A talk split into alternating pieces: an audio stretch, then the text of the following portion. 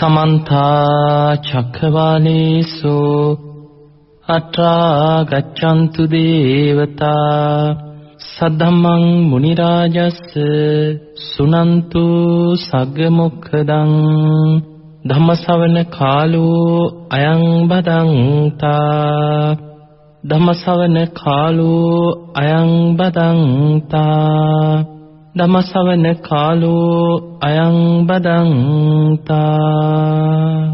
නමෝ තස්ස භගවතු වරහතු සම්මා සම්බුද්දස්ස. නමෝ තස්ස භගවතු වරහතු සම්මා සම්බුද්දස්ස. නමෝ තස්ස භගවතු වරහතු සම්මා සම්බුද්දස්ස.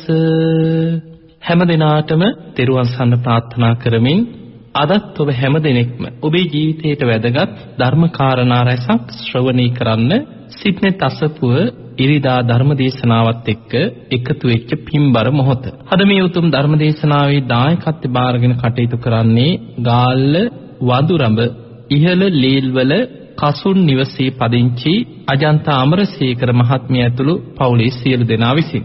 තේ හැම දිනාටමත් ඔබ හැම දිනාටමත් මේ උතුම් ධර්ම ශ්‍රවණයත් නිවන් දොරටුවක් බවටම පත් වේවා කියලා අපි මුලින්ම ආශිර්වාද ප්‍රාර්ථනා කරනවා. පින්තුනි සම්බුදු තෙමඟුල සමරපු වෙසක් පුන් පොහෝ දින අවසන් වෙනකොට ඊළඟට උදා වෙන්නේ ඒ භාග්‍යවත් බුදුරජාණන් වහන්සේගේ උතුම් ධර්මය දායාදයේ හැටියට. ඒ මිහිඳු මහරහතන් වහන්සේ විසින් එදා ඉත්තිය උත්තිය සම්බල බද්දසාල සුමන සාමණේර මහරහතන් වහන්සේ බණ්ඩුක උපාසකතුමත් සමග පොසොන් පුන් පොහෝ දවසක මේ ලංකා භූමියට බුදුරජාණන් වහන්සේගේ ධර්මයේ දායාදී රැගෙන ආපු පොසොන් මාසයයි මේ උදා ඒත් එක්කම ඔබ හැමදෙනාටම නෙත්ෙෆෙම් ආයතනය පොසොන් පෝය මුල් කරගෙන ලබන සෙනසුරාදා දවසේ එනම් ජූනි 11 වෙනි සෙනසුරාදා මහනුවර පූජනීය වතුරු කුඹුරේ ධම්මරතන හාමුදුරන් වහන්සේගේ මේ නෙල්ලිගල ශාක්‍යසිංහ මහා සෑය නමින් හඳුන්වන මේ උතුම් පුදබිමේ වැඩ සිටින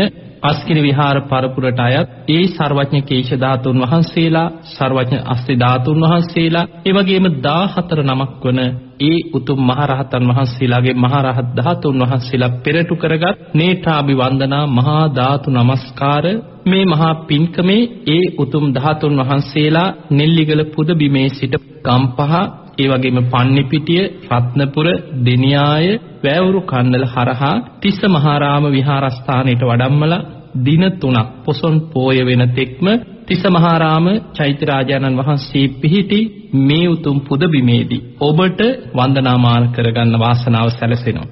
ඒ අතර සර්වඥයන් වහන්සේගේ කේශ ධාතුන් වහන්සේලා, සර්වඥ අස්ති ධාතුන් වහන්සේලා, ඒ වගේම සරියුත් මුගලන් මහරහතන් වහන්සේලාගේ මහරහත් ධාතුන් වහන්සේලා ඒ වගේම 14 නමක් මහරහතන් වහන්සේලාගේ මහරහත් ධාතුන් වහන්සේලා ඔබට දැක බලා වන්දනා කරගන්න සදහැවතුන්ට මේ මහා නේත්‍රාභි වන්දනා මහා ධාතු නමස්කාර පින්කමේදී වාසනාව සැලසෙනවා. ඒ නිසා පින්වතුනි අද දවසේ අපි මේ බුද්ධ ශාසනය තුල ප්‍රත්‍යලාභී භික්ෂුන් වහන්සේලා අතරින් අග්‍රස්ථානෙ ලැබපු ඒ උතුම් සීවලී මහරහතන් වහන්සේගේ චරිතාපදානෙ උන්වහන්සේගේ ජීවිත කතාව පාරමී පුරාගෙන ආපු මේ මහා පින්වන්ත මහරහතන් වහන්සේගේ ජීවිත කතාව ඇසුරෙනුයි අද මේ උතුම් ධර්ම දේශනාව ඔබට ශ්‍රවණය කරන්න වාසනාව සැලසෙන්නේ. පින්වතුනි බුදුරජාණන් වහන්සේ සම්මා සම්බුද්ධත්වයට පත්වීම පිණිස උන්වහන්සේගේ හිතේ යම් දවසක සිතුවිල්ලක් වීරියවන්ත ප්‍රාර්ථනයක් හිතේ ඇති වුණා නම් එදා පටන් විසි අසංකේය කල්පලක්ෂයක් පුරාවට ඒ සිතුවිල්ල ඉලක්ක කරගෙන උන්වහන්සේ පාරමී ධර්ම පුරන්න පටන් ගත්තා. ඒ අතර මනෝ ප්‍රනිධානයත් වාක් ප්‍රනිධානයත් වශයෙන් සොලසා සංකේය කල්පලක්ෂයක් තිස්සේ මනසින් බුදුබව ප්‍රාර්ථනා කරමින් මනෝ ප්‍රනිධානයත් වචනයෙන් බුදුබව ප්‍රාර්ථනා කරමින් වාක් ප්‍රනිධානයත් සම්පූර්ණ කරන්නට යෙදුණා. ඊට පස්සේ තමයි දීපංකර බුදුරජාණන් වහන්සේ පහළ වෙච්ච කාලේ සුමේද තාපසයන්න් වහන්සේ හැටියට නියත විවරණ ලබන්න තරම් මහා පින්වන්ත කෙනෙක් හැටියට ඉපදිලා හිටියේ වාක් ප්‍රනිධානයත් මනෝ ප්‍රනිධානයත් සොලසා සංකීය කල්පලක්ෂයක් තිස්සේ සම්පූර්ණ කිරීමේ ප්‍රතිඵලයක් හැටියටයි. එදා දීපංකර බුදුරජාණන් වහන්සේගේ මේ සුමේද තාපසයන්න් වහන්සේ හැටියට ඒ පුරණ ලද පාරමී ධර්මයන්ගේ ප්‍රතිඵලයක් හැටියට දීපංකර බුදුරජාණන් වහන්සේට තමන්ගේ ජීවිතේම පූජා කරලා නියත විවරණ ලැබුවා අනාගතේ සාරා සංකේ කල්පලක්ෂයක් යනතර ගෞතම නමින් සම්මා සම්බුදුරජාණන් වහන්සේ නමක් බවට පත් වෙන්නේ මෙන්න මේ මහා පින්වන්ත කෙනා කියලා. දීපංකර බුදුරජාණන් වහන්සේගෙන් විවරණ ගත්ත දවසේ ඉඳන් දාන සීල නෛෂ්ක්‍රම්‍ය ප්‍රඥා විරිය ඉවසීම සත්‍ය අදිෂ්ඨාන මෛත්‍රී උපේක්ඛාදී මේ දසපාරමී ධර්මයන් පාරමී උපපාරමී පරමත්ත පාරමී හැටියට ජීවිත පරිත්‍යාගයෙන් දියුණු කරගෙන සාරා සංකේ කල්පලක්ෂයක් පුරා පාරමී ධර්ම දියුණු කරන්න පටන් ගත්තා. ඔය අතර මීට අසංකීයකුත් කල්පලක්ෂයකට පෙර අග්‍ර ශ්‍රාවක දෙනම පාරමී ධර්ම සම්පූර්ණ කරන්න පටන් ගත්තා. ඒ වගේමයි මේ ගෞතම බුද්ධ ශාසනය තුල 80 මහා ශ්‍රාවකාදී තනතුරු ලබන මහා පින්වන්ත පිරිස මීට කල්පලක්ෂයකට පෙර පියුමතුරා බුදුරජාණන් වහන්සේගේ බුද්ධ ශාසනයේ කාලේ ඉඳන් පාරමී ධර්ම පුරන්න පටන් ගත්තා.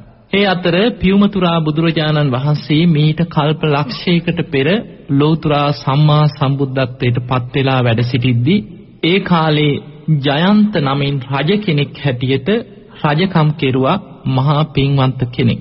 මේ ජයන්ත රජතුමා පියුමතුරා බුදුරජාණන් වහන්සේ ඇතුළු බුද්ධ ප්‍රමුඛ සංඝයාට දානයක් පූජා කරලා අවසන් වෙච්ච වෙලාවේ එදා පියුමතුරා බුදුරජාණන් වහන්සේ Tamanගේ සංඝ පිරිස අතරින් එක්තරා මහා පින්වන්ත ස්වාමීන් වහන්සේ නමකට අගතනතුරක් ලබා දුන්නා ඒ බුද්ධ ශාසනය තුල ප්‍රත්‍යලාභීන් අතරින් අග්‍රස්ථානය මෙන්න මේ භික්ෂුවට පිරිනමනවා කියලා ඒ බුද්ධ ශාසනයේ පියුමතුරා බුදුරජාණන් වහන්සේගේ ශාසනයේ ප්‍රත්‍යලාභී භික්ෂුන් වහන්සේලාගෙන් අග්‍රස්ථානය එක් භික්ෂුවකට ලබා දුන්නා.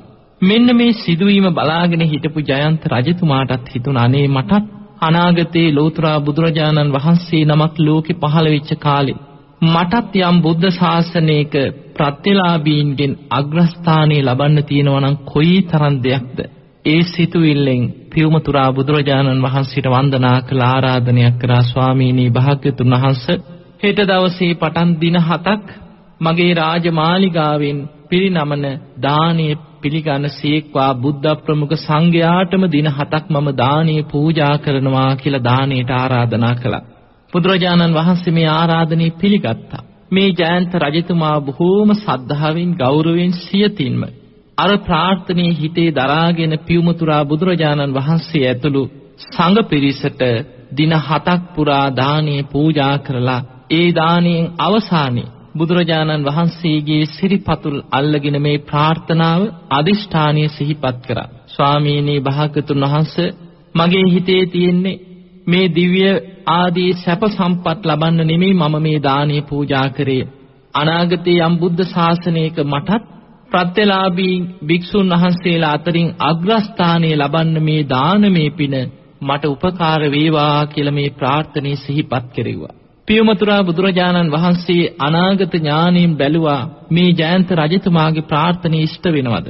මේ බුදුරජාණන් වහන්සේ දැක්ක අනාගතේ කල්ප ලක්ෂයක් ගිය තැන ගෞතම නමින් බුදුරජාණන් වහන්සේ නමක් ලෝකෙ පහළ වෙනවා. අන්නේ කාලයේ මේ රජතුමා සීවලී නමින් ඉපදිලා පැවිදි බවට පත් වෙලා උතුම් අරහත්ත්වයට පත් වෙලා ගෞතම බුද්ධ ශාසනය තුල ප්‍රත්‍යලාභී භික්ෂුන් වහන්සේලා අතරින් අග්‍රස්ථානය ලබනවා. එදා පියුමතුරා බුදුරජාණන් වහන්සේගෙන් තමයි ඉස්සරලාම විවරණේ ලබාගත්තේ මේ මහා පින්වන්ත කෙනා මේ ප්‍රාර්ථනීය හිතේ දරාගෙන එදා පටන් බොහෝම සද්ධාවෙන් මේ ප්‍රාර්ථනීය හිතේ ඇතුව පින්දහම් කරන්න පටන් ගත්තා. බුද්ධ ප්‍රමුඛ සංඝයාට සංඝ පිරිස් වලට දුගී මඟී යාචකයන්ට බෑ නොකියා තමන්ගෙන් යමක් ඉල්ලගෙන එන ඕනෑම කෙනෙකුට තමන්ගේ තියෙන ධනෙන් ධර්මිෂ්ඨ උපයාස අපයාගත් දේවල් වලින් දන්පැන් පූජා කරමින් මේ ප්‍රාර්ථනාව සිහිපත් කරගෙන සසරේ පින්දහම් කරන්න පටන් ගත්තා. මේ පින්දහම් කරගෙන යන කාලය තුල බොහෝ වෙලාවල් වලට මනුස්ස ලෝකෙන් දිව්‍ය ලෝකයට දිව්‍ය ලෝකෙන් බ්‍රහ්ම ලෝකයට ඉපදෙමින් ආපු නිසා කල්ප ලක්ෂයක් කියන කාලය තාම කෙටි කාලයක් වගේ ගෙවිගෙන ගෙවිගෙන ගියා. පින්වතුනි බොහෝ මහරහතන් වහන්සේලාගේ ජීවිතවල ගත්තහම උන්වහන්සේලා කෙලෙස් සහිතව මේ පාරමී ධර්ම පුරාගෙන යන අතරතුර යම් යම් ආත්ම භාවවල දුගතියේ අපායවල වල වැටිච්ච අවස්ථාවන් ගැන අපිට බුද්ධ දේශනාවලින් මහරහතන් වහන්සේලාගේ චරිත කතාවලින් දකින්නට ලැබෙනවා.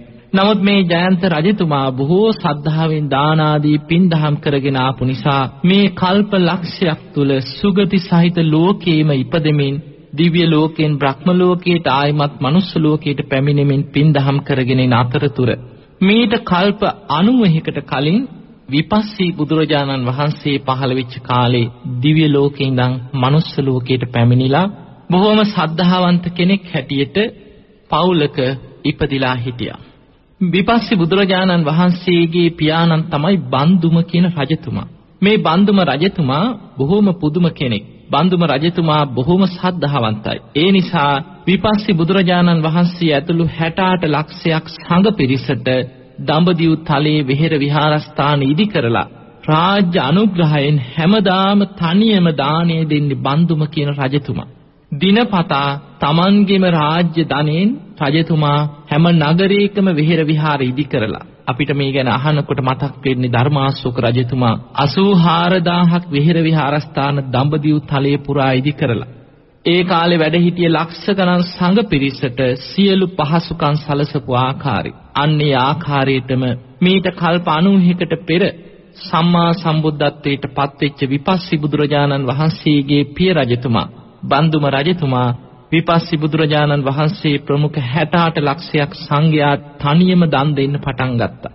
නගර වාසීන්ට දානයක් දී ගන්න පුළුවන්කමක් නැහැ. රජතුමාමයි දන් දෙන්නේ. අන්තිමට නගර වාසීන් එකතු වෙලා උද්ඝෝෂණයක් කරා නගර වාසීන්ට බුද්ධ ප්‍රමුඛ සංඝයාට දානි දෙන්න ඕන කියලා. නගර වාසීන්ගේ උද්ඝෝෂණය නිසා රජතුමාට සිද්ධ වුණා නගර වාසීන්ටත් බුද්ධ ප්‍රමුඛ සංඝයාටම දන් දෙන්න අවස්ථාවක් සලසන්න. ඊට පස්සේ රජතුමා තීරණය කරා රජතුමා එක දවසක් දන් දෙනවා නගරවාසීන්ට ඊළඟ දවසේ දන් දෙනවා. මේ විදිහට මාරුවෙන් මාරුවට දානේ පූජා කරන්න අවසරයක් ලබා ගත්තා නගරෙ මිනිස්සු උද්ඝෝෂණය කරලා. දැන් ඉස්සල්ලාම මිනිස්සුන්ට නගරවාසීන්ට විපස්සී බුදුරජාණන් වහන්සේ ප්‍රමුඛ 68 ලක්ෂයක් සංඝයාට දානි දෙන්න ලැබිච්ච අවස්ථාව. මේ නගරවාසීන් සියලු දෙනාම එකතු වෙලා යොදුන් ගානක් දිගට දානශාලාවක් මණ්ඩපයක් සකස් කරලා විපස්සී බුදුරජාණන් වහන්සේ ප්‍රමුඛ 68 ලක්ෂයක් සංඝයාටම දානේ පූජා කරන්න කටයුතු සූදානම් කරා. විශාල පිරිසක් එකමුතු වෙලා ගම් වලින් එක එක පිරිස බෙදා හදාගෙන බොහෝම අලංකාරවත් විදිහට මේ දහනේ පූජා කරන්න කටයුතු සූදානම් කරා.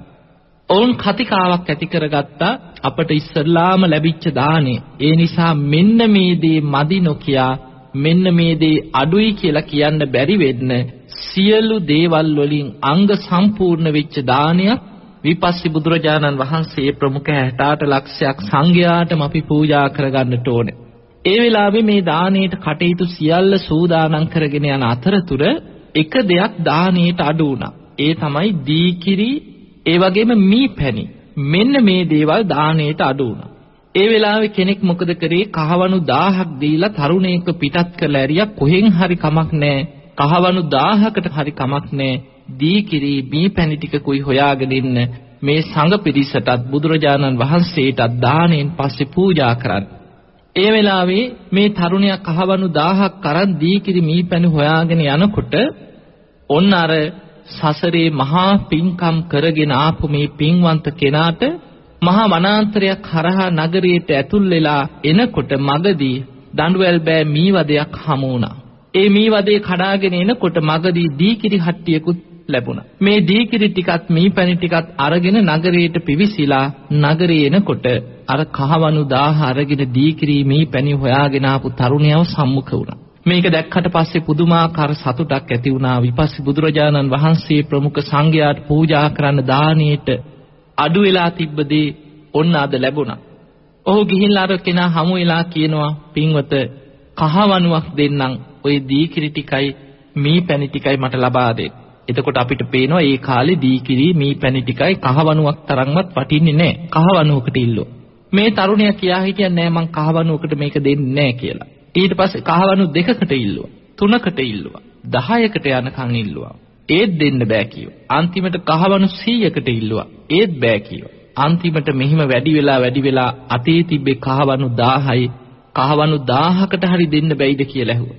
ඒ වෙලේ මේ තරුණයා කල්පනා කරා කහවණුවක් තරම්වත් වටින්නේ නැති මේ දීකිරි හට්ටියයි මේ මීපැණි ටිකයි කහවණු 1000කට ඉල්ලන්නේ මොකටද? ඔහු ඇහුවා මට ඇත්තම කියන්න. කහවණුවක් තරම්වත් වටින්නේ නැති මේ දීකිරි මීපැණි ටිකයි කහවණු 1000කට ඔබ ඉල්ලන්නේ මොකටද? අන්න එතකොට ඇත්තම කතාව කියා හිටියා අද විපස්සී බුදුරජාණන් වහන්සේ ප්‍රමුඛ 68 ලක්ෂයක් සංඝයාටම නගරවාසීන් එකතු වෙලා දානයක් පූජා කරනවා. අන්නේ දාණයට අඩු වෙලා තියෙන මේ දීකිරි මීපැණි. අන්නේ නිසා ඒව හොයාගෙන යන අතරතුර තමයි ඔබ මුණ ගැහුනේ. ඒ වෙලේ මේ තරුණයා ඉල්ලීමක් කරා. එහෙමනම් මට කහවණු එපා. මගේ අතින්ම මේ දීකිරි ටිකයි මීපැණි ටිකයි විපස්සී බුදුරජාණන් වහන්සේ ප්‍රමුඛ 68 ලක්ෂයක් සංඝයාටම පූජා කරන අවස්ථාව ලැබෙනවා නම් මම ඇවිල්ලා මගේ අතින්ම මේ ටික පූජා කරන්න. ඒ වෙලාවේ මේ තරුණයා කල්පනා කරා කමක් නෑ ඒකත් හොඳයි. ඔන්න අර මහා පින්වන්ත කෙනාගේම අතින් විපස්සී බුදුරජාණන් වහන්සේ ප්‍රමුඛ සංඝ පිරිසට මේ දීකිරි ටිකයි මීපැණි ටිකයි පූජා කරන්න ලැබිච්ච අවස්ථාව. එදා මේ එක කිරිහට්ටියක් මීපැණි ටිකක් බුද්ධ ප්‍රමුඛ 28 ලක්ෂයක් සංඝයාටම පූජා කරන්න තරම් දෙයක් නැහැ. නමුත් මේ පින්වන්ත කෙනා අදිෂ්ඨානයක් කරා. මම සසරේ යම් තාක් දාන ආදී පින් දහම් කරලා තියෙනවද? මේ සත්‍යානුභාවයෙන් මේ දී කිරි හට්ටියෙන් ගන්න ගන්න කිරි හැඳ පිරේවා. විපස්සී බුදුරජාණන් වහන්සේ ප්‍රමුඛ 68 ලක්ෂයක් සංඝයා අතරින් සියලු දෙනාටම මේ දී කිරි ටිකයි මී පැණි ටිකයි මට පූජා කරගන්න ලැබේවා කියලා පෙර කරපු පාරමී ධර්මයන් සිහිපත් කළ අදිෂ්ඨානයක් කරා එදා මේ තරුණයා අර පිරිස අතරින් විපස්සී බුදුරජාණන් වහන්සේ ප්‍රමුඛ මේ සංඝ පිරිසට දානීය පූජා කරන තැනට ආපු වෙලාවේ විපස්සී බුදුරජාණන් වහන්සේ ඔහු දැක්ක ගමන් අඳුනගත්තා. පෙර සසරේ මහා පාරමී ධර්ම දියුණු කරගෙන එන කෙනෙක්. අනාගතේ මීට කල්ප 90කට පස්සේ ලෝතර බුදුරජාණන් වහන්සේ නමක් ගෞතම නමින් ලෝකේ පහළ වෙන කාලේ ප්‍රත්‍යලාභී භික්ෂුන් වහන්සේලා අතරින් අගතනතුරු ලබන මහා පින්වන්ත කෙනා මේ කෙනාගේ හිතේ තියෙන අදිෂ්ඨානයත් විපස්සී බුදුරජාණන් වහන්සේ දැකලා බුදුරජාණන් වහන්සේ අදිෂ්ඨාන කරා මේ පින්වන්ත තරුණයාට තමන්ගේ අතේ තියෙන මේ දීකිරි හට්ටිය මේ බුද්ධ ප්‍රමුඛ සියලු සංඝ පිරිසටම පූජා කරන්න ලැබේවා ගන්න ගන්න හැඳ පිරේවා කියලා බුදුරජාණන් වහන්සේත් අදිෂ්ඨානයක් කරා. එදා මහා පුදුම දෙයක් සිද්ධ වුණා. අර බුද්ධ ප්‍රමුඛ 28 ලක්ෂයක් සංඝයාටම මේ දීකිරි හට්ටියයි මී පැණි ටිකයි පූජා කරගන්න අවස්ථාව ලැබුණා. පූජා කරනකොට ගන්න ගන්න හැඳ පිරෙනවා. ඒ නිසා විපස්සී බුදුරජාණන් වහන්සේ ප්‍රමුඛ 68 ලක්ෂයක් සංඝයාටම මේ දානීය පූජා කරගන්න අවස්ථාව ලැබුණා. ගන්න ගන්න හැඳ පිරෙනවා. සියලු දෙනාම මේ ප්‍රාතිහාර්ය බලාගෙන හිටිය මහා පින්වන්ත කෙනෙක් කියලා. ඔන්න ඔය විදිහට ඒ බුද්ධ ශාසනය තුලත් පින්දහම් රැස් කරගන්නට යෙදුණා. මේ විදියට පින්දහම් රැස් කරගෙන දිව්‍ය ලෝකෙ ඉපදිලා ඉන්න කාලේ ආයමත් එක ආත්ම භාවයක මනුස්ස ලෝකයට පැමිණිලා රජ පවුලක රාජ කුමාරයෙක් හැටියට ඉපදුනා. ඒ වෙනකොට බුද්ධ ශාසනයක් ලෝකෙ පැවතිච්ච කාලයක් නෙමෙයි. පසේ බුදුරජාණන් වහන්සේලා වැඩ ඉන්න කාලයක්. එක්තරා පසේ බුදුරජාණන් වහන්සේ නමක් නිතරම අහසින් වැඩම කරලා මේ මාලිගාවට වැඩම කරලා දාහනේ පිළි අරගෙන ගන්ධ මාදන පර්වතයට වැඩම කරනවා. මේ පුංචි රාජකුමාරයා තරුණ වයසට එනකොටම පිය රජතුමා මරණයටපත් වුණා. පිය රජතුමාගේ මරණයෙන් පස්සේ තරුණ වයසේදීම අත්දැකීම් නැති තරුණ කාලෙදිම Tamanට රජකම අභිෂේක ලැබුණා. තමන්ගේ මෑණියන්ගෙන් උපදෙස් අරගෙන තමන්ගේ රාජ්‍යයේ රාජ්‍ය කටයුතු මේ පුංචි රජතුමා රාජ්‍ය කටයුතු පාලනය කරගෙන අරගෙන යන අතරතුර යාබද රාජ්‍යයක රජ කෙනෙක් කල්පනා කරා අත්දැකීම් නැති තරුණ කෙනෙක් තාම පුංචි වයසක්. ඒ නිසා මෙන්න මේ රාජ්‍ය ආක්‍රමණය කරොත් අල්ලගන්න පුළුවන් වෙයි. මේ රජතුමා මොකද කරේ විශාල සේනාවක් අරගෙන ඇවිල්ලා මේ රාජ්‍ය වට කරලා අල්ලගන්න කඳවුරු බැඳගෙන හිටියා සේනාව සංවිධානය කරගෙන ඇවිල්ලා. මෙන්න මේ බව කලින්ම ආරංචි වුණා අර මෑණියන්ට. මේ අම්මා මොකද කරේ අර පුතාට උපදෙස් දුන්නා පුතේ මෙන්න මේ විදිහට කටයුතු කරන්න. මේ රාජ්‍ය අල්ලන්න යාබද රාජ්‍යක රජ කෙනෙක් සේනාවක් අරගෙන ඇවිල්ලා තියෙනවා. ඒ නිසා අපි මේ විදිහට කරමු මේ අය කොටු කරලා තියමු කියලා තමන්ගේ සේනාව සන්නද්ධ කරලා අර රජතුමා ඇතුළු බටපිරිස සම්පූර්ණයෙන්ම කොටු කරගත්තා. කොටු කරගෙන මේ අයට කිසිම ආහාරයක් පානයක් වතුර ටිකක්වත් ගන්න බැරි වෙන ආකාරයට කොටු කරලා දවසක් දෙකක් නෙමෙයි දින හතක් තිස්සේ කොටු කරගෙන හිටිය රැකවල්ලාගෙන. අන්තිමට මේ රජතුමා ඇතුළු රාජකීය පිරිස දින දෙක තුන යනකොට එහෙම කලන්තේ හැදලා ඇදගෙන වැටෙන්න පටන් ගත්තා. සමහරු මරණාසන්න වුණා කන්න බොන්න නෑ ගෙන ආපු ආහාර පාන අවසන් වුණා. දින ගණනාවක් යනකොට අර පසේ බුදුරජාණන් වහන්සේ දැක්කා දැන් මේ රජතුමාත් රාජකීය පිරිසත් යුද්ධ කරන්න ආවට ඔවුන්ට යුද්ධ කරන්න නෙමෙයි තමන්ගේ ජීවිතේ බේරගන්න වෙලා තියෙන්නේ. පිපාසයෙන් කුසගින්නේම තව දවසක් දෙකක් හිටියොත් මේ සියලු දෙනාම මරණයටපත් වෙනවා. එහෙම වුණොත් මේ මෑණියන්ටත් මේ තරුණ රජතුමාටත් විශාල අකුසලයක් රැස් වෙනවා. අනාගතේ මහා පින්වන්ත පිරිසක් යම් බුද්ධ ශාසනයක භික්ෂුන් වහන්සේලා අතරින් අග්‍රස්ථානයක් ලබා ගන්න තරම් පෙරම් පුරාගෙන යන කෙනෙක්. ඒ නිසා මේ පසේ බුදුරජාණන් වහන්සේ අහසින් වැඩම කරලා අර රජ රාජ කුමාරයාටත් අර මෑණියන්ටත් උපදෙස් දුන්නා මේ අයව මුදවලා අරින්න මේ අය නිදහස් කරලා අරින්න. තව දවසක් දෙකක් හිටියොත් මේ සියලු දෙනාම මරණයටපත් වෙනවා ඔවුන්ට ජීවිත දාණය ලබා දෙන්න කියලා උපදෙස් දුන්නා. ඒ වෙලාවේ මේ පසේ බුදුරජාණන් වහන්සේගේ කීම අහලා මේ අයව නිදහස් කරලා ඇරියා. අන්න ඒ අකුසලය මේ රාජ කුමාරයාත් අර මෑණියනුත් සිද්ධ කරගෙන හිටියා. ඊට පස්සේ මේ සියලු දෙනාම ඒ කරන ලද පින්දහම් වලින් පස්සේ බුදුරජාණන් වහන්සේට අපෝපස්ථාන ආදී පින්දහම් කරලා දිව්‍ය ලෝකේ ඉපදිලා ඔබත් මමත් සරණ ගිය ගෞතම නම් වූ සම්මා සම්බුදුරජාණන් වහන්සේ එදා තුසිත දිව්‍ය ලෝකයෙන් චුත වෙලා පින්වන්ත මහා මායා දේවියගේ කුසේ පිළිසිඳගෙන මේ ලෝකේට බිහි වුණා වෙසක් පුන් පොහෝ දවසක. පින්වන්ත මහා මායා දේවියගේම ඥාති පෙළපතක ඥාති දියණියක් හැටියට අර මෑණියන් දිව්‍ය ලෝකෙන් ඇවිල්ලා මනුස්ස ලෝකෙ සුප්පා වාසා නමින් නිපදුනා මෞතුමියගේ ඥාති පෙළපතක ඥාති දියණියක් හැටියට. ඒ වගේම තරුණ වයසට එනකොට ලිච්ඡවි රාජ පරපුරක රාජ කුමාරයෙක් වන මහලී කියන ලිච්ඡවි රාජ කුමාරයා සමග විවාහ ජීවිතයකට ඇතුළත් වුණා. එතකොට බුදුරජාණන් වහන්සේගේම ඥාති පෙළපතක ඥාති දියණියක් හැටියට තමයි සුප්පා වාසාවත් ඒ වගේම කෝලිය වංශික රාජකුමාරයෙක් එක්ක තමයි මහලී කියන රාජකුමාරයා එක්ක තමයි ඇය විවාහ ජීවිතයකටපත් උනේ. මෙන්න මේ දෙන්නට දාව දිව්‍ය ලෝකේ ඉඳන් ආපු මේ මහා පින්වන්ත කෙනා සුප්පා වාසා කියන මේ මෑණියන්ගේ කුසේ පිළිසිඳ ගත්තා. පින්වතුනි දරුවා කුසේ පිළිසිඳගත් දවසේ පටන් මේ රජ පවුලට 500ක් තෑගි භෝග ගලාගෙන එන්න පටන් ගත්තා. යාබද රාජ්‍යවල රජවරු, සිටුවරු, රාජකුමාරවරු, හිතවත් අය සියලු දෙනාම දිනපතා 500 බැගින් තෑගි භෝග නිවසට ගලාගෙන එනවා මේ මහා පින්වන්ත දරුවගේ පිනට. දින දෙක තුන යනකොට මේ කතාව ආරංචි වුණා මහා පින්වන්ත කෙනෙක් මේ කුසේ පිළිසිඳගෙන තියෙන්නේ. පුදුමාකාර ලැබීමක් මේ අයට ලැබෙනවා. මිනිස්සු මොකද කරේ දැන් කාලයක් යනකොට මේ අම්මව දෝලා වලින් එක් කරගෙන යනවා තමන්ගේ අටුකොටු වලට අත ගස්ස ගන්න. ඒ වගේම අස්වැන්න නිලන්න පෙර වී වපුරන්න පෙර ඒ වී කොටු වලට අත ගස්වනවා සුප්පා වාසා මෑණියන් ලවා. අත ගහන ගහන වී අස්වැන්න වෙනදට වඩා වේගෙන් වර්ධනය වෙලා අස්වැන්න සරු වෙනවා. ඒ නිසා බොහෝ දිනෙක අතර මේ ගෞරවයේ කීර්ති රාවේ පැතිරිලා ගියා. මේ සුප්පා වාසා මේ දියණියට ලැබෙන්නේ ඉන්නේ මහා පින්වන්ත දරුවෙක් කියලා. හැබැයි පින්වතුනි අර සසරේ කරලා තිබ්බ අකුසල විපාකයක් එක්ක සාමාන්‍ය දරුවෙක් මාස 10න් 9න් බිහි වුණාට මේ දරුවා එහෙම බිහි වෙන්නේ නැතුව කුස තුලම ටික ටික ටික ටික වර්ධනය වුණා. අවුරුදු 7ක් යනතෙක් මේ දරුවා කුසේ වර්ධනය වෙන්න පටන් ගත්තා. මේ දරුවා බිහි නොවි අවුරුදු 7ක්ම කුසේ වැඩුණා. දරුවා බිහි වෙන්න ආරම්භ වුණේ අවුරුදු 7කට පස්සේ.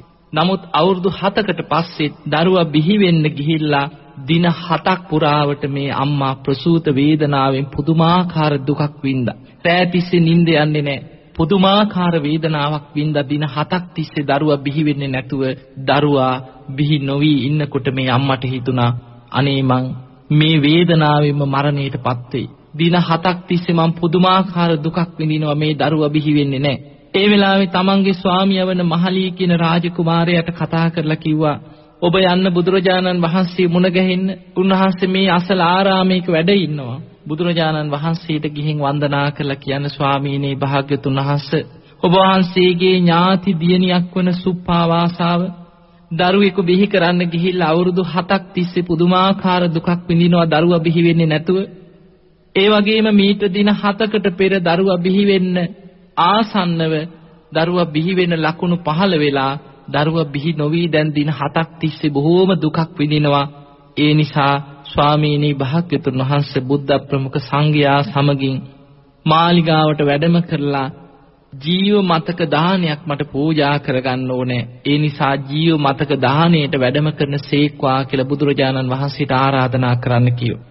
සුප්පාවාසාවට හිතුනේ තමන් මැරෙයි කියලා. ඒ නිසා බුදුරජාණන් වහන්සේට ආරාධනා කරේ ජීව මතක දානයකට තමන් මැරෙන්න පෙර අනේ මට බුදුරජාණන් වහන්සේට දානයක් පූජා කරගන්න ඕනේ කියලා දානයක් නිවසේ පූජා කරවන්න ආරාධනයක් කරා. ඒ වෙලාවේ මහලී කියන රාජකුමාරයාට කියා හිටියා ඔබ මේ ආරාධනාව කරනකොට බුදුරජාණන් වහන්සේගේ බුදුමුවින් යම් වචනයක් පිට වෙනවා නම් අන්න ඒක හොඳට මතක තියාගෙන ඇවිල්ලා මට ආපහු කියන්න කිව්වා. මේ මහලී කියන රාජකුමාරයා දුවගෙන දුවගෙන ගියා බුදුරජාණන් වහන්සේව මුණ ගැහෙන්න. ගිහින් උන්වහන්සේ වැඩ ඉන්න ගන්ධ කුටියට ගිහිල්ලා වන්දනා කරලා එකත් පස්සකින් වාඩි වෙලා බුදුරජාණන් වහන්සේට වැඳගෙන කියනවා ස්වාමීනි භාග්‍යතුන් වහන්සේ ඔබ වහන්සේගේ ඥාති දියණියක් වන සුප්පාවාසා දරුවෙක් බිහි කරන්න ගිහිල්ලා බොහෝම අසාධ්‍යව දැන් දින 7ක් වෙනවා දරුවා බිහි වෙන්නේ අවුරුදු 7ක් තිස්සේ මේ දරුවා කුසේ වර්ධනය වෙලා ස්වාමීනි භාග්‍යතුන් වහන්සේ බුද්ධ ප්‍රමුඛ සංඝයාටම ජීව මතක දානයකට ආරාධනා කරන්න කිව්වා. මේ ආරාධනාව පිළිගන්න සීක්වා කියලා මේ කාරණේ සිහිපත් කරනකොට බුදුරජාණන් වහන්සේගේ බුදුමුවින් පිට වුණා. සුඛිනී හෝතු සුප්පාවාසා කෝලිය දීතා. මේ සුප්පාවාසා කෝලිය දියණිය සුවපත් වේවා සුවපත් දරුවෙකු බිහි වේවා කියලා බුදුමුවින් ආශිර්වාද වාක්‍යයක් පිට වුණා. මේ වචනය බුදුරජාණන් වහන්සේගේ බුදුමුවින් පිට වෙනවත් සමගම අර දින හතක් පුරා දැනිච්ච ඒ වේදනාව සුවපත් වෙලා කිසිම වේදනාවක් නැතුව ඒ සැනින් දරුවා බිහි වුණා. මහලී කියන මේ රාජකුමාරයා බුදුරජාණන් වහන්සේට වන්දනා කරලා මේ ආරාධනාව කරලා ආපහු මේ කාරණේ මතක තියාගෙන රාජමාලිගාවට යනකොට දැනගත්තා දරුවා බිහි වෙලා කිසිම වේදනාවක් නැතුව. බුදුරජාණන් වහන්සේගේ මේ ආශිර්වාදයේ බලෙන්මයි මේ දරුවා බිහි වුනේ ඒ වෙලාවේ සුප්පාවාසාව කියා හිටියා මහලී රාජකුමාරයාට ඔබ ආයෙමත් යන්න මම ආරාධනා කරේ මගේ ජීව මතක දාණයට මම ජීවත් වෙයි කියලා හිතුවේ නෑ. ඒ නිසා දරුවා කිසිම වේදනාවක් නෙමෙයි දින 7ක් පුරා බුද්ධ ප්‍රමුඛ සංඝයාටම මේ මාලිගාවට දාණයට වැඩම කරන සේක්වා කියලා ආයෙමත් ගිහින් දින 7කට දාණයට ආරාධනා කරන්නයි කිව්වා. මහලී රාජකුමාරයා පුදුමාකාර සතුටකින් දුවගෙන දුවගෙන ආවා බුද්ධ ප්‍රමුඛ සංඝයාටම දින 7කට දාණයට ආරාධනා කරන්න. ඒ ඇවිල්ලා මේ ආරාධනාව කරනකොට තවත් පුදුම දෙයක් සිදු වෙලා තිබුණා. ඒ තමයි ඊට ටික වේලාවකට කලින් බ්‍රාහ්මණෙක් ඇවිල්ලා දින 7ක්ම දාණයට ආරාධනා කරලා බුදුරජාණන් වහන්සේ ආරාධනාව පිළි අරගෙන තිබුණා. ඒ වෙලාවේ බුදුරජාණන් වහන්සේ මේ මහලී කියන මේ රාජකුමාරයාට කියා හිටියා තමන්ගේ ඥාති දියණිය මහා පින්වන්ත දරුවෙක් මේ බුද්ධ ශාසනයට අනාගතයේ මේ ශාසනයම එළිය කරන මහා පින්වන්ත කෙනෙක්. ඒ නිසා බුදුරජාණන් වහන්සේ මුගලන් මහරහතන් වහන්සේට කතා කරා. කතා කළ මුගලන් මහරහතන් වහන්සේට පැවරුවා මොග්ගල්ලානේ මීට ටික වෙලාවකට කලින් පැමිණිලා දින හතක්ම දානෙට ආරාධනා කරපු මේ බ්‍රාහ්මණයාගේ නිවසට ඔබ යන්න කීවා. ගිහිල්ලා මේ බ්‍රාහ්මණයාට සිහිපත් කරන්න කිව්වා ඔබේ දාන ආරාධනාව බුදුරජාණන් වහන්සේගේ ඉල්ලීම පිට තව දින 7ක් ආපස්සට යොදන්න කැමතිද කියලා ඔහුට සිහිපත් කරන්න. ඒ නිසා මේ මහලී කියන රාජකුමාරයාට අද පටන් දින 7ක් මේ දානේ බාර දීලා කලින් දාණයට ආරාධනා කරපු මේ බ්‍රාහ්මණයාගෙන් ඉල්ලීමක් කරන්න කිව්වා. ඔහුගේ දාණය තව සතියකින් පස්සට දාන්න. ඒ වෙලාවේ මුගලන් හාමුදුරු මේ බ්‍රාහ්මණයාගේ නිවසට ගියා. ගිහිල්ලා මේ කාරණේ කියනකොට ඔහු ඒකට කැමති වුණේ නැහැ. ඔහු කරුණු තුනක් කියා හිටියා. ස්වාමීනි ඔබ වහන්සේ ඔය කියන ඉල්ලීමට මං එකඟ වෙනවා. ඔබ වහන්සේ කරුණු තුනකට මට අප වෙන්නට ඕන කිව්වා. ඒ තමයි මේ දානෙට ගෙනාපු බඩුමුට්ටු එළවලු සතියක් යනකම් මේවා නරක් නොවි කුණු නොවි තියාගන්න පුළුවන්ද කියලා ඔබ වහන්සේට. ඊළඟට සතියක් යනතෙක් මගේ ජීවිතේට අනතුරක් වෙන්නේ නැහැ කියලා ඔබ වහන්සේට සහතික වෙන්න පුළුවන්ද කියලා ඇහුවා. ඊළඟ කාරණේ තමයි සතියක් යනතෙක් දානේ සතියකින් පස්සට දාන්න නම් මගේ සද්ධාව සතියක් යනතෙක් වෙනස් වෙන්නේ නැහැ කියලා ඔබ වහන්සේට සහතික වෙන්න පුළුවන් දැහුවා. අන්න ඒ වෙලාවේ මුගලන් මහරහතන් වහන්සේ කියන බ්‍රාහ්මණී ඔය කරුණු තුනෙන් කරුණු දෙකකට මට අප වෙන්න පුළුවන් කිව්වා. මගේ 이르දි බලෙන් ඔය ගෙනාපු ආහාර පාන වියලි ආහාර එළවලු වර්ග තියෙනවා නම් ඒවා නරක් නොවි සතියක් යනතෙක් තියාගන්න මම අදිෂ්ඨාන කරලා ඒවා ආරක්ෂා කරලා දෙන්න. ඒ වගේම ඔබේ ජීවිතේට සතියක් යනතෙක් අනතුරක් නම් සිද්ධ වෙන්නේ නැහැ කියලා අනාගත ඥාණයෙන් බලලා ඒ පොරොන්දුවත් ඔබට දෙන්නම්. හැබැයි සද්ධාව රැක ගැනීම ඔබම කරගන්න ඕන දෙයක්. ඔබේ සද්ධාවට නම් මට අප වෙන්න පුළුවන් කමක් නැහැ කිව්වා. මේ කරුණු දෙකකට මුගලන් මහරහතන් වහන්සේ පොරොන්දු වෙච්ච නිසා මේ බ්‍රාහ්මණය එකඟ වුණා. එහෙමනම් කමක් නැහැ. මේ දාණය මේ සතියෙන් පස්සේ ඊළඟ සතියේ ඉඳන් සතියක් පුරා මම දානේ පූජා කරනවා කියලා ඔහු එකඟ කරගත්. ඔහු එකඟ කරගෙන මේ දාණය මහලී කියන රාජකුමාරයාට බාර දුන්නා. එදා බුදුරජාණන් වහන්සේ ප්‍රමුඛ සාරිපුත්ත මොග්ගල්ලාන මහරහතන් වහන්සේලාත් මහරහතන් වහන්සේලා බොහෝ පිරිසකුත් මේ පුංචි කුමාරයා ඉපදිච්ච මහලී රාජකුමාරයාගේ රාජමාලිගාවට දානීයට වැඩම කරා. දින හතක් පුරා බුද්ධ ප්‍රමුඛ සංඝයාටම මේ දානේ පූජා කරා. පිංගතුනි ඉපදිච්ච ගමම්ම කතා කරපු දරුවන් අතරින් මේ සීවලී කුමාරයා කියන්නේ ඉපදිච්ච ගමම්ම කතා කරපු දරුවෙක්. ඉපදිච්ච ගමන් කතා කරා කිව්වට සාමාන්‍ය දරුවෙක් උපදින විදිහට නෙමෙයි මේ දරුවා ඉපදුනේ. සාමාන්‍ය දරුවෙක් ඔබ දන්නවා ඉපදෙනකොට කොයිතරම් පුංචිද කියලා. සාමාන්‍ය දරුවෙක් ඉපදිච්ච ගමන් ඇවිද ගන්න පුළුවන් කමක් නැහැ. පොඩි දරුවෙක් හැටියටයි උපදින්නේ. නමුත් මේ සීවලි කුමාරයා ඉපදුනේ අවුරුදු 7ක් තිස්සේ කුසේ වර්ධනය වෙලා. ඒ නිසා අවුරුදු 7ක් වයස ඇති කෙනෙකුගේ ස්වරූපේටම වැඩිලා විශාල දරුවෙක් හැටියට කියන්නේ අවුරුදු 7ක වයසක දරුවෙකුගේ ප්‍රමාණීම තමයි මේ දරුවා කුසෙන් බිහි වුනේ. ඒ නිසා ඉපදිච්ච ගමම්ම කතා කරා ඉපදිච්ච ගමම්ම ඇවිදපු දරුවෙක් තමයි සීවලී කියන කුමාරයා.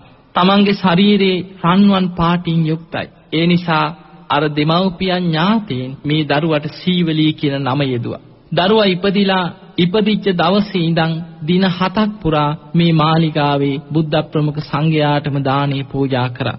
හත්වෙනි දවසේ මේ දානේ පූජා කරනකොට මේ පුංචි දරුවත් ඇවිල්ලා අර බුද්ධ ප්‍රමුඛ සංඝයාට දානේ පූජා කරනකොට සාරිපුත්ත මහරහතන් වහන්සේ ළඟට වෙලා හිටියා මේ පුංචි සීවලි කුමාරයා. සාලිපුත්ත මහරහතන් වහන්සේ බොහෝම කරුණාවෙන් මේ පුංචි දරුවාත් සමග කතා බහ කරනවා. මෑණියන් මේ දිහා බලාගෙන හිටිය සුප්පා වාසාව අම්මගේ හිතේ මේ දරුවා අනේ මේ ප්‍රඥාවන්තයන් අතර අගතැම්පත් සාරිපුත්ත මහරහතන් වහන්සේ එක්ක නේද බොහෝම හිතවත්කමින් මේ කතා කරන්නේ. මේ දරුවා කොයිතරම් පින්වන්ත කෙනෙක්ද? සාරිපුත්ත මහරහතන් වහන්සේ සමග මේ තරම් හිතවත්කමින් කතා කරන්න කියලා දරුවා ගැන දරු සෙනෙහසක් ඇති වුණා. ඒ වෙලාවේ බුදුරජාණන් වහන්සේ දැක්කා. අර සුප්පා වාසාවගේ හිතේ දරුවා ගැන ඇතිවෙච්ච සෙනෙහස පිංගතුනි සුප්පා වාසාවත් මහලී කියන රාජකුමාරයාත් විවාහ වෙන කාලේ වෙනකොටම සූවාන් ඵලයටපත් වෙලා හිටපු බව ධර්මයේ සඳහන් වෙනවා. ඒ නිසා මේ දෙන්නම ධර්මාවබෝධයකින් හිටපු දෙන්නේ. බුදුරජාණන් වහන්සේ දැක්කා සුප්පා වාසාවට ධර්මාවබෝධයේ තිබුණත් මේ වෙලාවේ දරුවා ගැන ඇතිවෙච්ච දරු සෙනෙහස නිසා හිතේ යම් ප්‍රමාදයක් ඇති වුණා. ඒ වෙලේ බුදුරජාණන් වහන්සේ සිහිය උපදවන්න සුප්පාවාසාවගෙන් අහනවා දියණිය මේ වගේ දරුවන් තවත් ලැබෙනවට කැමතිද කියලා ඇහුවා. අනේ ස්වාමීනි මේ වගේ දරුවෝ තව හත් දෙනෙක් ලැබුණත් මම මේ දරුවන්ට නම් ආසයි කිව්වා. අන්න බලන්න අවුරුදු 7ක් තිස්සේ කුසේ මේ දරුවා තියාගෙන විඳපු දුක. දරුවා බිහි වෙන්න ගිහිලා දවස් 7ක් තිස්සේ විඳපු වේදනාව අර දරු සෙනෙහසත් එක්ක අමතක වෙලා ගියා. අන්නේ වෙලාවේ බුදුරජාණන් වහන්සේ ගාථාවක් ප්‍රකාශ කරා අසාතං සාත රූපේන පිය රූපේන අප්පිය දුක්ඛං සුඛස්ස රූපේන පමත්ත මතිවත්තති අසාර දේවල් සරු විදිහට සාර දේවල් හැටියට වෙස්වලාගෙන පැමිණෙනවා දුක්ඛං සුඛස්ස රූපේන දුක කෙනෙක් ඉදිරියට එන්නේ සැපයක් විදිහට වෙස්වලාගෙන. පිය රූපේන අප්පිය අප්‍රිය දේවල් ප්‍රිය ස්වරූපයෙන් වෙස්වලාගෙන පැමිණිලා ප්‍රමාද වෙච්ච කෙනාව යට කරගෙන ඒ කෙනාව ආපස්සට ඇදලා දානවා. සසරේ ඒ කෙනාව සසරට ඇදලා දානවා. මෙන්න මේ ගාථාව බුදුමුවින් පිට වෙනකොටම අන්න සිහිය ඉපදුනා. ඒ වෙලාවේ සුප්පියා උපාසිකාව කියනවා අනේ ස්වාමීනි භාග්‍යතුන් වහන්සේ මට ආයෙමත් සසරේ එක දරුවෙක්වත් එපා. මේ මම විඳපු දුක මට හොඳටම ඇති කියලා සිහිය උපදවාගත්. ඒ වෙලාවේ සාරිපුත්ත මහරහතන් වහන්සේ මේ පුංචි සීවලි කුමාරයාගෙන් අහනවා පුතේ කොහොමද? සැපසනීප කොහොමද? ඔබ සතුටින්ද ඉන්නේ කියලා. බලන්න මේ සසරේ කල්ප ලක්ෂයක් පුරා පාරමී පුරාගෙන ආපු මේ පින්වන්ත දරුවා සාරිපුත්ත මහරහතන් වහන්සේට කියනවා ස්වාමීනි මොන සනීපයක්ද මොන සැපයක්ද ලෝකුඹ නිරේ හිර වෙලා හිටියා වගේ අවුරුදු ගාණක් තිස්සේ දුක් විඳලා තමයි කිව්ව එළියට ආවේ. එතකොට බලන්න අර මව් කුසේ විඳපු දුක මේ දරුවගේ හිතේ පිහිටලා තිබුණා. සාරිපුත්ත හාමුදුරුවෝ ඇහුවා පුතේ පැවිදි වෙන්න කැමති නැද්ද? දෙමව්පිය අවසර දෙනවා නම් මම කැමතියි කිව්වා. ඒ වෙලාවේ මේ දෙමව්පිය බොහෝම සතුටෙන් මේ අවසරය ලබා දුන්න බුදුරජාණන් වහන්සේට මේ පුංචි දරුවව බාර කරා ස්වාමීනි භාග්‍යතුන් වහන්සේ මේ පුංචි දරුවා අවුරුදු 7ක් තිස්සේ කුසේ දරාගෙන දුක් විඳා. දවස් 7ක් තිස්සේ දරුවා බිහි වෙන්න ගිහිල්ලා මහා පුදුමාකාර වේදනාවක් වින්දා. මේ දරුවට සසර දුකින් නිදහස් වීම පිණිස ස්වාමීනි භාග්‍යතුන් වහන්සේ මේ ධර්ම දාණයම ලබා දෙන සීක්වා මේ දරුවාව පැවිදි කරවන සීක්වා කියලා බුදුරජාණන් වහන්සේගේ අතට මේ පුංචි සීවලී කුමාරයව බුදුරජාණන් වහන්සේට ලබා දුන්නා. බුදුරජාණන් වහන්සේ ඒ වෙලාවේ සාරිපුත්ත මහරහතන් වහන්සේට පැවරුවා සාරිපුත්තය මේ දරුවාව පැවිදි කරන්න කියලා. සාරිපුත්ත මහරහතන් වහන්සේ තමයි සීවලී කුමාරයව පැවිදි කරේ. සාරිපුත්ත මහරහතන් වහන්සේ සීවලී කුමාරයව එක්කරගෙන ගිහිල්ලා ඉපදිලා හත්වෙනි දවසේ තමයි පැවිදි කරන්න එක්කරගෙන ගියේ. එක්කරගෙන ගිහිල්ලා පැවිදි කරන්න සූදානම් වෙච්ච වෙලාවේ ඔබ දන්නවා ස්වාමීන් වහන්සේ නමක් පැවිදි කරනකොට ඉස්සල්ලාම පළවෙනි කෙස් රොද කපලා අතට දීලා සිහි කරන්න කියනවා කේසා ලෝමා නකා දන්තා තචෝ කියලා මේක පිළිකුල් වශයෙන් වඩන්න කියනවා. සාරිපුත්ත මහරහතන් වහන්සේ කියා හිටියා ඔබට බොහෝම ගැඹුරු ධර්ම දේශනාවක් අවශ්‍ය වෙන්නේ නැහැ මේ වෙලාවේ. මව් කුසේ විඳපු දුකම සිහි කරලා මෙන්න මේ කෙස් රොද පිළිකුල් වශයෙන් සිහි කරන්න කියලා පළවෙනි කෙස් රොද කපලා අතට දුන්නා. මේ පුංචි සීවලී කුමාරයාට කේසා ලෝමා නඛා දන්තා තචෝ මේක පිළිකුල් දෙයක් කියලා පිළිකුල් වශයෙන් සිහි කරන් පළවෙනි කෙස් රොද අතේ තියාගෙන පිළිකුල් වශයෙන් වඩනකොටම සක්කාය දිට්ඨි විචිකිච්ඡා සීලබ්බත පරාමාස ආදී ත්‍රිවිධ සංයෝජනයන් ප්‍රහාණය වෙලා සෝතාපන්න ඵලයටපත් වුණා. දෙවනි කෙස් රොද කපලා අතට දුන්න පිළිකුල් වශයෙන් භාවනා වඩන්න කියලා දෙවනි කෙස් රොද පිළිකුල් වශයෙන් වඩලා අවසන් වෙනකොට සකදාගාමි ඵලයටපත් වුණා. තුන්වෙනි කෙස් රොද කපලා අතට දුන්න පිළිකුල් වශයෙන් වඩන්න කියලා ඒ කෙස් රොද කපලා අවසන් වෙනකොට අනාගාමි ඵලයටපත් වුණා. හිස බාල අවසන් වෙනකොට සිවුර පොරවන්නත් පෙරම උතුම් වූ අරහත් ඵලයටපත් වුණා. බලන්න පින්වත්නි කොයි තරම් පින්වන්ත කෙනෙක්ද දරුවා ඉපදිලා දවස් 7යි. හැබැයි දවස් 7ක් වුණාට අවුරුදු 7කුත් දවස් 7ක වයසක් තිබුණා. මොකද මව් කුසේම අවුරුදු 7ක් තිස්සේ වැඩිච්ච දරුවෙක් නිසා.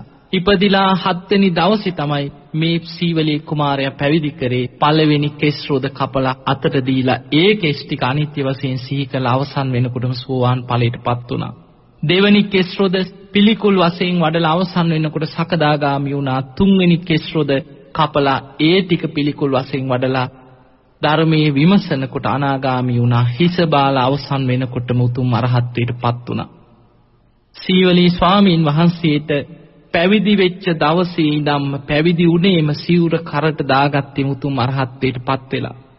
පැවිදි වෙච්ච දවසේ ඉඳන් දවසකට දාන 1000ක් ආරාමයට ලැබෙන්න පටන් ගත්ත මේ මහා පින්වන්ත කෙනාගේ පිනට රජවරු සිටවරු අමාත්‍යවරු හිතවත් පිරිස දරුවා කුසේ ඉන්න කාලේ ඉඳන් අම්මව දෝලාවක තියාගෙන අරගෙන ගිය අය වී අස්වැනු වලට අතගස්වල ආශිර්වාද ලබා ගන්න අන්න මේ මහා පින්වන්ත කෙනා පැවිදි වෙලා අපේ අස්වැන සරුණේ මේ පින්වන්ත මෑණියෝ මේ අස්වැනට අත ගහපු නිසා අපිත් යම් දානේ අරගෙන කියලා දවසකට දාන 1000 බැගින් ලැබෙන්න පටන් ගත්තා. සීවලී මහරහතන් වහන්සේ ඒ දානේ පිළි අරගෙන දානේ ලැබෙන්නේ නැති ආරාම සෙනසුන් වලට සවැත් නුවර වැඩ ඉන්නේ නැති සවැත් නුවර පුරාම තියෙන ඈත ප්‍රදේශවල සෙනසුන් වලට පවා ඒ දානේ පිටත් කළ ඇරියා.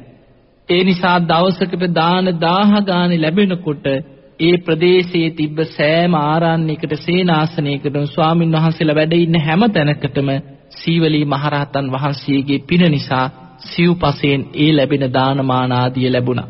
මෙහෙම කාලයක් ගත වෙනකොට සීවලී මහරහතන් වහන්සේට හිතුණා මම මේ නගර වාසීව ඉන්නකොටමද මට මේ සියලු ලැබීම ලැබෙන්නේ? මහා වනාන්තරයට ගිහිල්ලා කාලයක් ඉඳලා බලන්නට ඕනේ. එතකොටත් මට මේ ලැබීම ලැබෙනවද කියලා. සීවලී මහරහතන් වහන්සේ බුදුරජාණන් වහන්සේට වන්දනා කළ අවසරයක් ඉල්ලුවා ස්වාමීනි භාග්‍යතුන් වහන්සේ මට අවසර දෙන්න. මහා වනාන්තරයට ගිහිල්ලා ටික කාලයක් සති කීපයක් පුරාවට වනාන්තරයට ගිහිල්ලා ආපහු වැඩම කරන්න මට මේ ලැබෙන ලැබීම ලැබෙනවද කියලා බලන්න. ඒ වෙලාවේ සීවලී මහරහතන් වහන්සේ සමග 500ක් භික්ෂූන් වහන්සේලා මේ ගමනට එකතු වුණා. සීවලී මහරහතන් වහන්සේ හිමාල කන්ද ආශ්‍රිත වනාන්තර ප්‍රදේශයක් හරහා සති 7ක් පුරා මේ චාරිකාව වැඩම කරන්න බුදුරජාණන් වහන්සේගෙන් අවසර ලබාගත්. ලබාගෙන 500ක් භික්ෂූන් වහන්සේලා සමග සවැත් නුවරින් පිටත් වෙලා බොහෝම දුරක් ගෙවාගෙන ගිහිල්ලා හිමාල කන්ද ආශ්‍රිතව ඒ කන්ද පටන් ගන්න මේ වනාන්තරයේ තුල විශාල නුග ගහක් තිබුණා. මෙන්න මේ නුග ගහ යට එදා රාත්‍රී නවාතැන් අරගෙන උදෑසන අවදි වෙලා බලනකොට මේ මහ වනාන්තරයේ පුරා විමාන මවාගෙන දානශාලා මවාගෙන මේ නුග ගහට අධිග්‍රෝහිත දේවතාවරු මේ වනාන්තරයේ හිටිය දේවතාවරු දානීය සකස් කරලා සීවලී මහරහතන් වහන්සේ ඇතුළු 500ක් භික්ෂූන් වහන්සේලාට දානේ පූජා කරා. දානේ පූජා කළ මේ දේවතාවරු ආරාධනා කරා ස්වාමීනි සතියක් මේ නුගගහ අසල වැඩ සිටින සේක්වා. ඔබ වහන්සේලාට සිව්පසෙන් ඒ සතිය පුරාම අපි අප උපස්ථාන කරන්නම් කියලා. එදා මේ නුගගහ අසල ඒ ප්‍රදේශයට අධිග්‍රහිත දේවතාවරු සතියක් පුරා සීවලී මහරහතන් වහන්සේ ඇතුළු 500ක් භික්ෂූන් වහන්සේලාට දානමාන ආදී සකස් කළ විමාන මවාගෙන දන්සැල් මවාගෙන දන්පැන් පූජා කරගත්තා. ඒ සති අවසන් වෙලා සීවලී මහරහතන් වහන්සේ එතනින් ඉහළට වනාන්තරයේ ඇතුළට නැගලා පාණ්ඩව කියන පර්වතයට ළඟා වුණා. පාණ්ඩව පර්වතයේ මත සීවලී මහරහතන් වහන්සේ 500ක් රහතන් වහන්සේලා සමගින් එදා රාත්‍රී නවාතැන් අරගෙන හිමිදිරි උදෑසන අවදි වෙනකොට මෙන්න මේ පර්වතයේ වටේට දානශාලාවල් මවාගෙන පාණ්ඩව පර්වතයට අධිග්‍රෝහිත දේවතාවරු දානේ සකස් කරගෙන දානේ පිළිගන්වන්න සූදානමින් සිටිනවා. එදා සීවලී මහරහතන් වහන්සේ ඇතුළු 500ක් සංඝ පිරිසට දානීය ඊටාම ප්‍රණීත ආකාරයට දිව්‍ය භෝජන වලින්ම දානේ පූජා කරලා මේ දෙවිවරු ආරාධනා කරානී ස්වාමීනි සතියක්ම මේ පාණ්ඩව පර්වත මුදුනේ වැඩ සිටින සේක්වා. සතියක් පුරා අපට දානේ පූජා කරන්නම අවසරය ලැබෙන සේක්වා කියලා ආරාධනා කරා. සීවලී මහරහතන් වහන්සේ දෙවනි සතියම පාණ්ඩව පර්වතය ආශ්‍රිතව ඒ දේවතාවරුන්ගේ දන්පැන් පිළිගනිමින් සතියක් වැඩ ඉඳලා දෙවනි සතිය අවසන් වෙලා අචිරවතී කියන ගංගාව පටන් ගන්නේ හිමාල කඳු මුදුනේ මේ ගංගාව අසබඩට සීවලී මහරහතන් වහන්සේ මේ රහතන් වහන්සේලා සමගින් වැඩම කරලා ගම් යුරේ වැඩ ඉන්නකොට මේ ගංගාවට අධිග්‍රහිත දේවතාවරුත් ගම් යුර ආශ්‍රිත වෘක්ෂව දේවතාවරුත් විමාන මවාගෙන දිව්‍ය භෝජන සහිත දානේ අරගෙන ඇවිල්ලා සීවලී මහරහතන් වහන්සේ ඇතුළු මේ රහතන් වහන්සේලාට සතියක් පුරා දානේ ආරාධනා කළ පූජා කරගත්තා. තුන්වෙනි සතිය අචිරවතී ගංගාව ආශ්‍රිත දේවතාවරුන්ගේ දානමාන පිළිගනිමින් වැඩ හිටියා. ඊළඟට එතනින් සාගර තලයට වැඩම කරා සීවලී මහරහතන් වහන්සේ ඇතුළු 500ක් රහතන් වහන්සේලා. සාගර තලයේ ආශ්‍රිත දේවතාවරු ඒ ප්‍රදේශයට අධිග්‍රහිත දේවතාවරු සාගර තලයේම විමාන මවාගෙන දන්පැන් සකස් කරලා දානේ පූජා කරගන්නට යෙදුන සතියක් පුරා. හතරවෙනි සතියේ සාගර තලයට අධිග්‍රහිත දේවතාවරුන්ගේ දානමාන ආදී පිළිගත් සීවලී මහරහතන් වහන්සේ පස්වෙනි සතියේ හිමාල කඳු මුදුනටම නැගගත්තා. 500ක් මේ භික්ෂූන් වහන්සේලා සමග මහා වනාන්තරයේ මැද්දේ හිමාල කඳු මුදුනටම වැඩම කරලා වැඩ ඉන්නකොට හිමාල කඳු මුදුනේ ඒ ප්‍රදේශයේ පර්වත වෘක්ෂ විමාන කරගත් දෙවි දේවතාවුන් සතියක් පුරා ආරාධනා කරලා පෙර දෙවි දේවතාවුන් දානේ පූජා කරපු පරිද්දෙම්ම බොහෝම ප්‍රණීත විදිහට දිව්‍ය භෝජන වලින්ම සතියක්ම දානමාන ආදී පූජා කරගන්නට යෙදුණා. එතනින් උන්වහන්සේ 6 වෙනි සතියේ චද්දන්ත කියන විලාසලට වැඩම කරා. සීවලී මහරහතන් වහන්සේ ඇතුළු 500ක් භික්ෂූන් වහන්සේලා චද්දන්ත විලාසලට වැඩම කරපු වෙලාවේ පින්වතුනි ධර්මයේ සඳහන් වෙනවා චද්දන්ත විල කියලා කියන්නේ හිමාල කඳු මුදුනේ තියෙන බොහෝම රමණීය තැනක්. මේ චද්දන්ත විලාසල මහා පින්වන්ත හස්තිය චද්දන්ත කියන කුලයට අයිති හස්තීන් ඉන්න මේ වනාන්තර භූමියක් තමයි හිමාල කඳු මුදුනේ තියෙන චද්දන්ත විල කියලා කියන්නේ. මේ චද්දන්ත විලාසල ඉන්න මේ හස්තීන් පළවැල නෙලාගෙන ඇවිල්ලා සතියක් පුරා සීවලී මහරහතන් වහන්සේ ඇතුළු 500ක් රහතන් වහන්සේලාට මේ ඇතුන් අප උපස්ථාන කරමින් දානේ පූජා කරගත්තා. ඒ වගේ මේ භූමියට අධිග්‍රහිත දෙවි දේවතාවුනුත් දානේ පූජා කරා සතියක් තිස්සේ. ඒ සතියක් පුරා චද්දන්ත විලාසල වැඩ ඉඳලා එතනින් පහළට බැහැගෙන ඇවිල්ලා ගන්ධමාදන පර්වතයට වැඩම කරා සීවලී මහරහතන් වහන්සේ. පින්වතුනි හිමාල කඳු මුදුනේ තියෙන ගන්ධමාදන කියන පර්වතයේ පසේ බුදුරජාණන් වහන්සේලා පහළ වෙච්ච කාලේ වැඩ ඉන්න පර්වතයක්. පසේ බුදුරජාණන් වහන්සේලා ලෝකේ වැඩ ඉන්නකොට මේ ගන්ධමාදන පර්වතයේ තුල පසේ බුදුරජාණන් වහන්සේලා විනුවින් කුටි සෙනසුන් ආදී සියලු පහසුකම් මැවිලා උන්වහන්සේලා ඒ පර්වතයේ තුල තමයි ධර්ම සාකච්ඡා කරමින් විවේකයෙන් වැඩ සිටින්නේ. දානේ පිනිස එතනින් තමයි අහසට පැන නැගලා නොයෙක් ප්‍රදේශවලට දානෙට පිණ්ඩපාතේ වැඩම කරලා ඒ ලැබෙන පිණ්ඩපාතේ ටික අරගෙන ආයෙමත් අහසින්ම ගන්ධමාදන පර්වතයට පසේ බුදුරජාණන් වහන්සේලා වැඩම කරනවා. මෙන්න මේ ගන්ධමාදන පර්වතයේ තුල නාගදත්ත කියලා විශාල වෘක්ෂයක් තියෙනවා. මෙන්න මේ වෘක්ෂයට අධිග්‍රෝහිත නාගදත්ත කියන දේවතාවුන් වහන්සේ එදා සීවලී මහරහතන් වහන්සේ ඇතුළු 500ක් රහතන් වහන්සේලාට දානේ පූජා කරා. දානේ පූජා කරා විතරක් නෙමෙයි ආරාධනා කරා ස්වාමීනි සතියක් පුරා ඔබ වහන්සේ මේ 500ක් පිරිස සමග මේ භූමියේ ගන්ධමාදන පර්වත භූමියේ මේ උක්ෂ සෙවණේ වැඩ සිටින සේක්වා ඔබ වහන්සේලාට සියලු පහසකම් අපි මවල සකස් කරලා අපට සතියක් පුරා දානේ පූජා කරන්න අවසරය ලැබෙන සේක්වා කියලා සතියක්ම දානේ පූජා කරා. ඒ දානීය තුල විශේෂිත දෙයක් තිබුණා. ඒ තමයි මේ නාගදත්ත කියන උක්ෂ දේවතාවුන් වහන්සේ පූජා කරපු දානේ පස්බෝ රසයන්ගෙන් යුක්තයි. ඒ වෙලාවේ සීවලී මහරහතන් වහන්සේ විමසලා තියෙනවා දෙවියන්ට කොහෙන්ද මේ පස්බෝ රස කියලා. අන්න ඒ වෙලාවේ නාගදත්ත කියන මේ දේවතාවුන් වහන්සේ සීවලී මහරහතන් වහන්සේට කියලා තිනවා ස්වාමීනි මීට පෙර ආත්මයක මම මනුස්ස ලෝකෙ ඉපදිලා ඉන්නේ නැද්දී පස්බෝ රසයන්ගෙන්ම ඒ කාලේ වැඩ සිටිය බුද්ධ ප්‍රමුඛ සංඝයාටම දානේ පූජා කරා දුගී මගේ යාචකාදී බොහෝ පිරිසට පස්බෝ රසයෙන් දන් දුන්නා. අන්නේ පිනට අද මම උක්ෂ දේවතාවෙක් වෙලා මේ ප්‍රදේශේ වැඩ හිටියත් මට පස්බෝ රසයන් පහළ වෙනවා කියලා. එදා මේ නාගදත්ත කියන උක්ෂ දේවතාවා හත්වෙනි සතිය පුරාම සීවලී මහරහතන් වහන්සේ ඇතුළු 500ක් දෙනාට පස්බෝ රසයන්ගෙන්ම දානේ පූජා කරා. බලන්න පින්වතුනි මේ සති හතක් පුරා සීවලී මහරහතන් වහන්සේ මහා වනාන්තරයේ මැදින් හිමාල කඳු මුදුන හරහා කරපු චාරිකාව. උන්වහන්සේ මේ ගමන පිටත් තුනේම වනාන්තරයේදී උන්වහන්සේට මේ ලැබීම තියනවාද කියලා බලන්න. පළවෙනි සතියේ නුගගහ අසල හිමාල කන්ද ආශ්‍රිතව වැඩ ඉඳිද්දී සතියක්ම දේවතාවරු දානේ පූජා කරා. දෙවනි සතිය පාණ්ඩව පර්වතය ආශ්‍රිතව වැඩ ඉන්නකොට ඒ ප්‍රදේශයේ දේවතාවරු සතියක්ම දානේ පූජා කරා. තුන්වෙනි සතිය අචිරවතී ගම් යූරේ වැඩ ඉන්නකොට ඒ ප්‍රදේශයට අධිග්‍රහිත දේවතාවරු විමාන මවාගෙන සතියක් දන් දුන්නා. හතරවෙනි සතියේ සාගර තලයට වැඩම කළා ඒ ප්‍රදේශේ වැඩ ඉන්නකොට සාගර තලයට අධිග්‍රහිත දේවතාවරු විමාන මවාගෙන දන් දුන්නා. පස්වෙනි සතියේ හිමාල කඳු මුදුනටම නැගගත්ත වෙලාවේ ඒ කඳු මුදුනේ ඉන්න දේවතාවරු දන්පැන් පූජා කරගත්තා.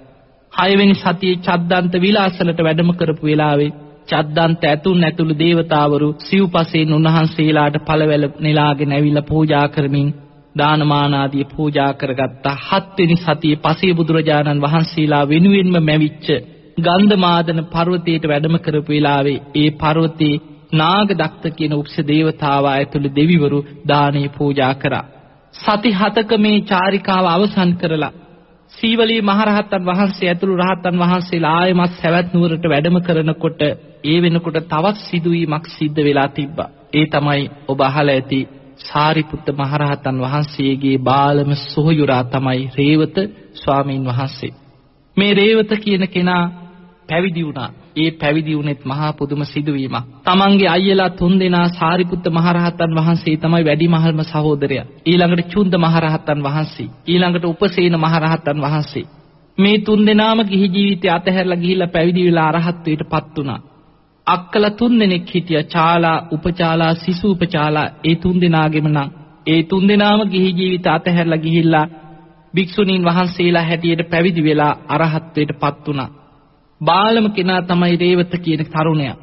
තමන්ගේ අම්මා ඒ වෙනකොටත් මිත්‍යා දෘෂ්ටිය වැළඳගෙන බ්‍රාහ්මණ ආගම තමයි අදහගෙන හිටියේ. අම්මා බොහොම තරහින් හිටියා දරුවෝ ඔක්කොම ගිහි ජීවිතය අතහැරලා පැවිදි වුණා ඉතුරුනේ මේ රේවත කියන කෙනා විතරයි. මෙයත් මට නැති වෙයිද කියලා ගිහි ජීවිතයකට කොටු කරන්න ඕන නිසා ඉක්මනින් විවාහයක් සූදානම් කරලා තරුණ කාලෙදිම ඒ තරම් ලොකු වයසක් නැහැ. විවාහයක් පිණිස දෝලාවක තියාගෙන නෑදෑයෝ එක්ක එක්කරගෙන ගිහිල්ලා එදා විවාහ ගිවිසගත්ත දවස තමන් විවාහ වෙච්ච අර දියණියට ඥාතිවරු සියලු දෙනාම ආශිර්වාද කරා විවාහ වෙච්ච දවසේ දුවේ ඔබටත් මිත්තනියට සිය දීර්ඝායුෂම ලැබේවා කියලා ඥාතිවරු ආශිර්වාදයක් කරා. අන්නේ වෙලාවේ මේ රේවත කියන කෙනා දැන් තමන්ගේ විවාහ වෙච්ච බිරිඳට මේ නෑදෑයෝ ටික ආශිර්වාද කරා මිත්තනියට සිය දුවේ ඔබටත් දීර්ඝායුෂ ලැබේවා කියලා. රේවත අහනවා මිත්තනිය තාම ජීවතුන් අතර ඉන්නවද ඇහුවා. ඉන්නවයි කිව්වා. එහෙනම් මට බලන්න පුළුවන්ද කියලා අර නෑදෑයන්ගෙන් ඇහුවා. එන්න පෙන්වන්න කියලා එක්කරගෙන ගියා ගේ ඇතුළට. යනකොට ගෙදර වෙනම කාමරයක මිත්තනිය ඉන්නවා අවුරුදු 120ක් ආයුෂ. වැරහැලි වෙලා ගිහිල්ලා ඇකිලිලා ඉන්නවා. එක තැන මල මුත්‍ර පහ වෙනවා කෑම ටික කවන්න ඕනේ බොහෝ දුකක් විඳිනවා. දැකපු ගමම්ම හිතුණා මිත්තනියට සේ දීර්ඝායුෂ ලැබේවා කියලා ආශිර්වාද කරේ මම මේ විවාහ වෙච්ච කෙනාටත් මේ දේ වෙනවද කියලා ඇහුවා. ඔව් ඉතින් අවුරුදු 120ක්ම හිටියොත් මේ දේ වෙනවා කිව්වා. ඒ වෙලේ හිතුණා අනේ මගේ අයියලා සාරිපුත්ත හාමුදුරු ගිහි ජීවිතය අතහැරලා පැවිදි වුණේ ඔන්න ඔය දුක දැකලාමයි. මගේ අක්කලා තුන්දෙනාම ශාලා උපචාලා සිසු උපචාලා තුන්දෙනාම ගිහි ජීවිතය අතහැරලා පැවිදි වුණේ මේ සංසාර දුක දැකලාමයි. මම නම් ගිහි ජීවිතේ ඉන්නේ නෑ මම පැනලා යනවා කියලා ඉදාම විවාහ වෙච්ච දවසේම අදිෂ්ඨානයක් ඇති කරගත්තා. එදා කොහොම හරි විවාහ වෙලා අර විවාහ වෙච්ච බිරිඳත් එක්ක දැන් දෝලාවකින් ඥාති පිරිස ආයෙමත් Tamanගේ නගරයට එක්කරගෙන එන වෙලාවේ මගදී මට ටිකක් බඩේ අමාරුවක් තියෙනවා මට කැලේට යන්න ඕන කිව්වා. ඒ වෙලාවේ දෝලාව ටිකක් නවත්තලා කැලේට ගියා. එක වතාවක් ගිහිල්ලා ආපහු ආවා. ඇවිල්ලා තව ටික දුරක් ගිහින් ගියා මගේ බඩ ටිකක් අමාරුයි මට ආයෙමත් කැලේට යන්න ඕනේ. දෙවනි පාරත් ගිහින් ආවා. තුන්වෙනි වතාවේ දැනගත්ත දැන් නම් ඥාතීන් සැක කරන්නේ නැහැ. තුන්වෙනි වතාවේ බඩේ අමාරුවක් තියෙනවා පොඩ්ඩක් නවත්තන්න කියලා කැලේ ඇතුළට ගිහිල්ලා අර ආභරණ මගුල් ඇඳුම් ඔක්කොම ගලවලා වීසි කරලා දුවගෙන දුවගෙන ගියා කැලේ ඇතුළට. දුවගෙන දුවගෙන කැලේ පීරගෙන දුවගෙන යනකොට හාමුදුරු වගේක් භාවනා කරනවා ඉක්මනට ගිහින් වන්දනා කළා කිව්වා අනේ ස්වාමීනි මගේ ලොකු අයියා තමයි සාරිපුත්ත මහරහතන් වහන්සේ. දෙවනි සහෝදරයා තමයි චුන්ද මහරහතන් වහන්සේ තුන්වෙනි සහෝදරයා තමයි උපසේන මහරහතන් වහන්සේ. අනේ ස්වාමීනි මගේ අක්කලා තුන්දෙනාම පැවිදි වෙලා රහත් වෙලා ඉන්නේ මාව පැවිදි කරන සීක්වා කියලා ඉල්ලීමක් කරා. ඒ වෙනකොට සාරිපුත්ත මහරහතන් වහන්සේ කියලා තිබුණා කවුරු හරි ඇවිල්ලා කිව්වොත් මම සාරිපුත්ත හාමුදුරන්ගේ සහෝදරයා බාල සහෝදරයා කියලා පැවිදි කරන්න කියලා. ඒ වෙලාවේ මේ හාමුදුරුවෝ පැවිදි කරා. පැවිදි කරාට පස්සේ උපදෙස් අරගෙන උන්වහන්සේ කියා හිටියා දැන් මගේ නෑදෑයෝ මාව හොයාගෙන එයි. ඒ නිසා ඔබ වහන්සේලාගෙන් ඇහුවොත් ඔබ වහන්සේලා අසරණ වෙනවා. ඒ නිසා මම මේ කැලේ ඇතුළටම යනවා කියලා කදිර වනයේ කියන මේ වනාන්තරයේ ඇතුළටම ගිහිල්ලා උන්වහන්සේ අර කමඨහන් මෙනෙහි කරමින් භාවනා කරමින් වැඩ හිටියා. සේවත හාමුදුරුව පැවිදි වුණා කියන ආරංචිය සාරිපුත්ත හාමුදුරන්ට දැනගන්න ලැබිලා සාරිපුත්ත මහරහතන් වහන්සේ බුදුරජාණන් වහන්සේගෙන් අවසර ඉල්ලුවා ස්වාමීනි භාග්‍යතුන් වහන්සේ මගේ බාල සහෝදරයාත් පැවිදි වෙලා මට උන්වහන්සේව බලන්න යන්න අවසර දෙනසේක්වා කියලා බුදුරජාණන් වහන්සේ වදලා සාරිපුත්ත පොඩ්ඩක් කොහොම ඉවසලා ඉන්න මේ ගමනට තථාගතයන් වහන්සේත් වැඩම කරනවා. තථාගතයන් වහන්සේත් ප්‍රේවතව දකින්න වඩිනවා. ඒ නිසා තව මාස 3ක් යනකම් ඔහොම ඉන්න කිව්වා ඒ වෙනකොට බුදුරජාණන් වහන්සේ දැක්ක හරියටම මාස 3ක් අවසන් වෙනකොට සීවලී හාමුදුරුවොත් අර චාරිකාව ඉවර කරලා ආපහු සවැත් නුවරට එනවා. ඒ වගේම මාස 3ක් අවසන් වෙනකොට මේ රේවත හාමුදුරුව කදිර වනයේම භාවනා කළ උතුම් අරහත්ත්වයට පත් වෙනවා. ඒ වෙනකොට මාස 3ක් ගෙවිලා අවසන් වෙනකොට බුදුරජාණන් වහන්සේ රේවත මහරහතන් වහන්සේව දකින්න සාරිපුත්ත හාමුදුරුව සමග ගමන පිටත් වෙන සූදානම් වෙනකොට බුදුරජාණන් වහන්සේ සමග 30000ක් සංඝ පිරිස මේ ගමනට සූදානම් වෙලා හිටියා. එදා සීවලී මහරහතන් වහන්සේ අර පිරිසත් සමග මහා වනාන්තරී හරහා ගිය චාරිකාව අවසන් කරලා ආපු වෙලාව ඒ වෙලේ බුදුරජාණන් වහන්සේ සීවලී මහරහතන් වහන්සේත් මේ පිරිසත් බුද්ධ ප්‍රමුඛ 30000ක් සංඝයා සමග මේ ගමන පිටත් වෙන්න පෙර බුදුරජාණන් වහන්සේ පිරිසට කියා හිටියා මේ ගමන බොහෝම දුෂ්කරයි. සවැත් නුවර ඉඳන් යොදුන් 60ක් යනවා කදිර වනයේට නගරය ආශ්‍රිතව වැඩම කරන්න ගියොත් යොදුන් 60ක දුරක් තියෙනවා. හැබැයි නගරය හරහා යනකොට බුද්ධ ප්‍රමුඛ 30000ක් සංඝයාටම දානමාන ලැබෙන්න පුළුවන්. හැබැයි දින 30ක් පමණ ගත වෙනවා බොහෝ දුරක් යන්න තියෙනවා. නමුත් මහා වනාන්තරයේ මැදින් යන්න ගමනක් තියෙනවා.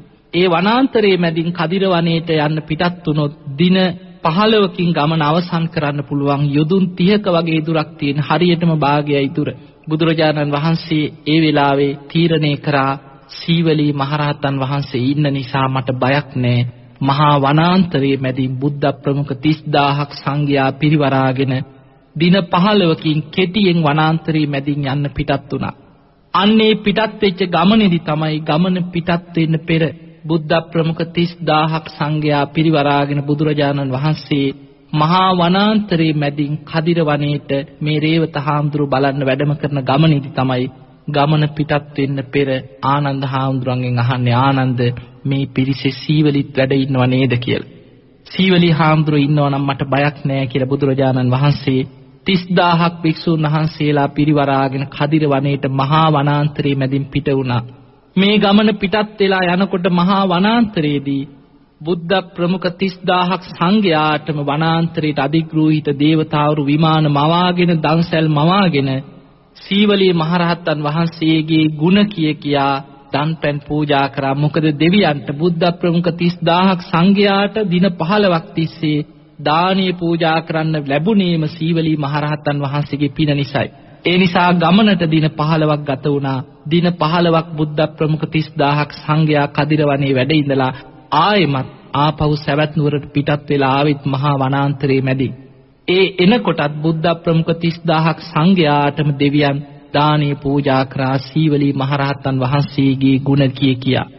අන්නේ ආපු ගමනේ තමයි ඒ ගමන අවසන් කරලා සවැත් නුවරට ආපු වෙලාවේ බුදුරජාණන් වහන්සේ සංඝ පිරිස මැදදී සියලු දෙනා ඉදිරියේ බුදුරජාණන් වහන්සේ සීවලී මහරහතන් වහන්සේට අග්‍රස්ථානයක් පිරිනැමුවා. ඒත දක්ඛම් භික්ඛවේ මම ශාවකානම් භික්ඛූනම් ලාභීනම් යදිදන් සීවලී. මහණෙනි මගේ මේ ශාසනය තුල සිව්පසලාභී භික්ෂුන් වහන්සේලා අතරින් සීවලී මහරහතන් වහන්සේම අග්‍රයි කියලා සීවලී මහරහතන් වහන්සේට සිව්පසලාභී භික්ෂුන් වහන්සේලා අතරින් අග්‍රස්ථානයේ පිරිනැමුවේ අන්නේ වනාන්තරේ හරහා ගිය ගමන අවසන් කළ වැඩම කරාට පස්සේ. සීවලී මහරහතන් වහන්සේ බොහෝ කාලයක් වැඩ ඉඳලා උන්වහන්සේ පිරිනිවන් පාවදාලා උන්වහන්සේගේ පිරිනිවන් පෑමෙන් පසුව යම් තැනක සීවලී මහරහතන් වහන්සේගේ ධාතුන් වහන්සේ නමක් පවා වැඩ ඉන්නවා නම් ඒ සියලු දෙනාටම ඒ ලාභය ලැබෙන බව එදා ඉඳන්ම අද දක්වාම බොහෝ දෙනෙක්ගේ විශ්වාසය පවතිනවා. ඒ නිසා පින්වතුනි මේ බුද්ධ ශාසනය තුල සිව්පසලාභී මහරහතන් වහන්සේලාගෙන් අග්‍රස්ථානය ලැබූ ඒ සීවලී මහරහතන් වහන්සේට මම নমස්කාර කරමි. මාගේ নমස්කාරය වේවා කියලා අපි හදවතින්ම ඒ මහරහතන් වහන්සේට වන්දනා කරමු අද මේ උතුම් ධර්මදේශනාවෙන් රැස් කරගත්ත සියලු පින සියලු දෙවියෝ සාදුකාර දිදී අනුමෝදන් වෙත්වා දෙවියන්ගේ දිව්‍ය අසයිසුරු වර්ධනය කරගෙන සියලු දෙවියෝ වහවහ සසර දුකින් අත මිදේවා කියලා අපි සාදු කියලා දෙවියන්ට පින් දෙමු. ඒ වගේම අද දායකත්වයේ බාරගෙන කටයුතු කරන ගාල්ල වඳුරඹ ඉහළ ලේල්වල කසුන් නිවසේ පදිංචි අජන්තා අමරසේකර ධම්මිකා අමරසේකර කසුන් ගොඩවත් ඒ වගේම නිමල් විජේරත්න යන පවුලේ සියලුම ඥාතීන් හැමදෙනාම අද මේ දායකත්වයට සම්බන්ධ වෙනවා. මේ අයගේ අරමුණු අතර සඳහන් වෙන්නේ හදිස්සි රෝගී තත්ත්වයක් නිසා 2016 මාර්තු 3 වෙනි දින අභාව ප්‍රාප්ත වූ අකුරැස්ස වතුයායේ ප්‍රධාන ශේෂ්ත්‍ර නිලධාරීව කටයුතු කළ නන්දසේන ගොඩවත්ත දයාබර ස්වාමියාට ඒ පියාණන් සිහිපත් කළ පින් අනුමෝදන් කිරීම මෙවන් අකල් මරණ වලට ගොදුරු නොවි උපෝපං ආත්ම භාවවල දීර්ඝායු සම්පන්නියම සැලසේවා කියන ප්‍රාර්ථනෙන් ඒ දරුවන් පවුලේ හැම දෙනාමත් නන්දසේන ගොඩවත්ත ඒ මහත්මා සිහිපත් කළ පින් අනුමෝදන් කරනවා. ඒ වගේම මිය පරලෝකීය දෙමාපියන් ඥාති සහෝදර සහෝදරියන් ඇතුළු පරම්පරාගත සියලු ඥාතීන්ට පින් අනුමෝදන් කිරීම අරමුණු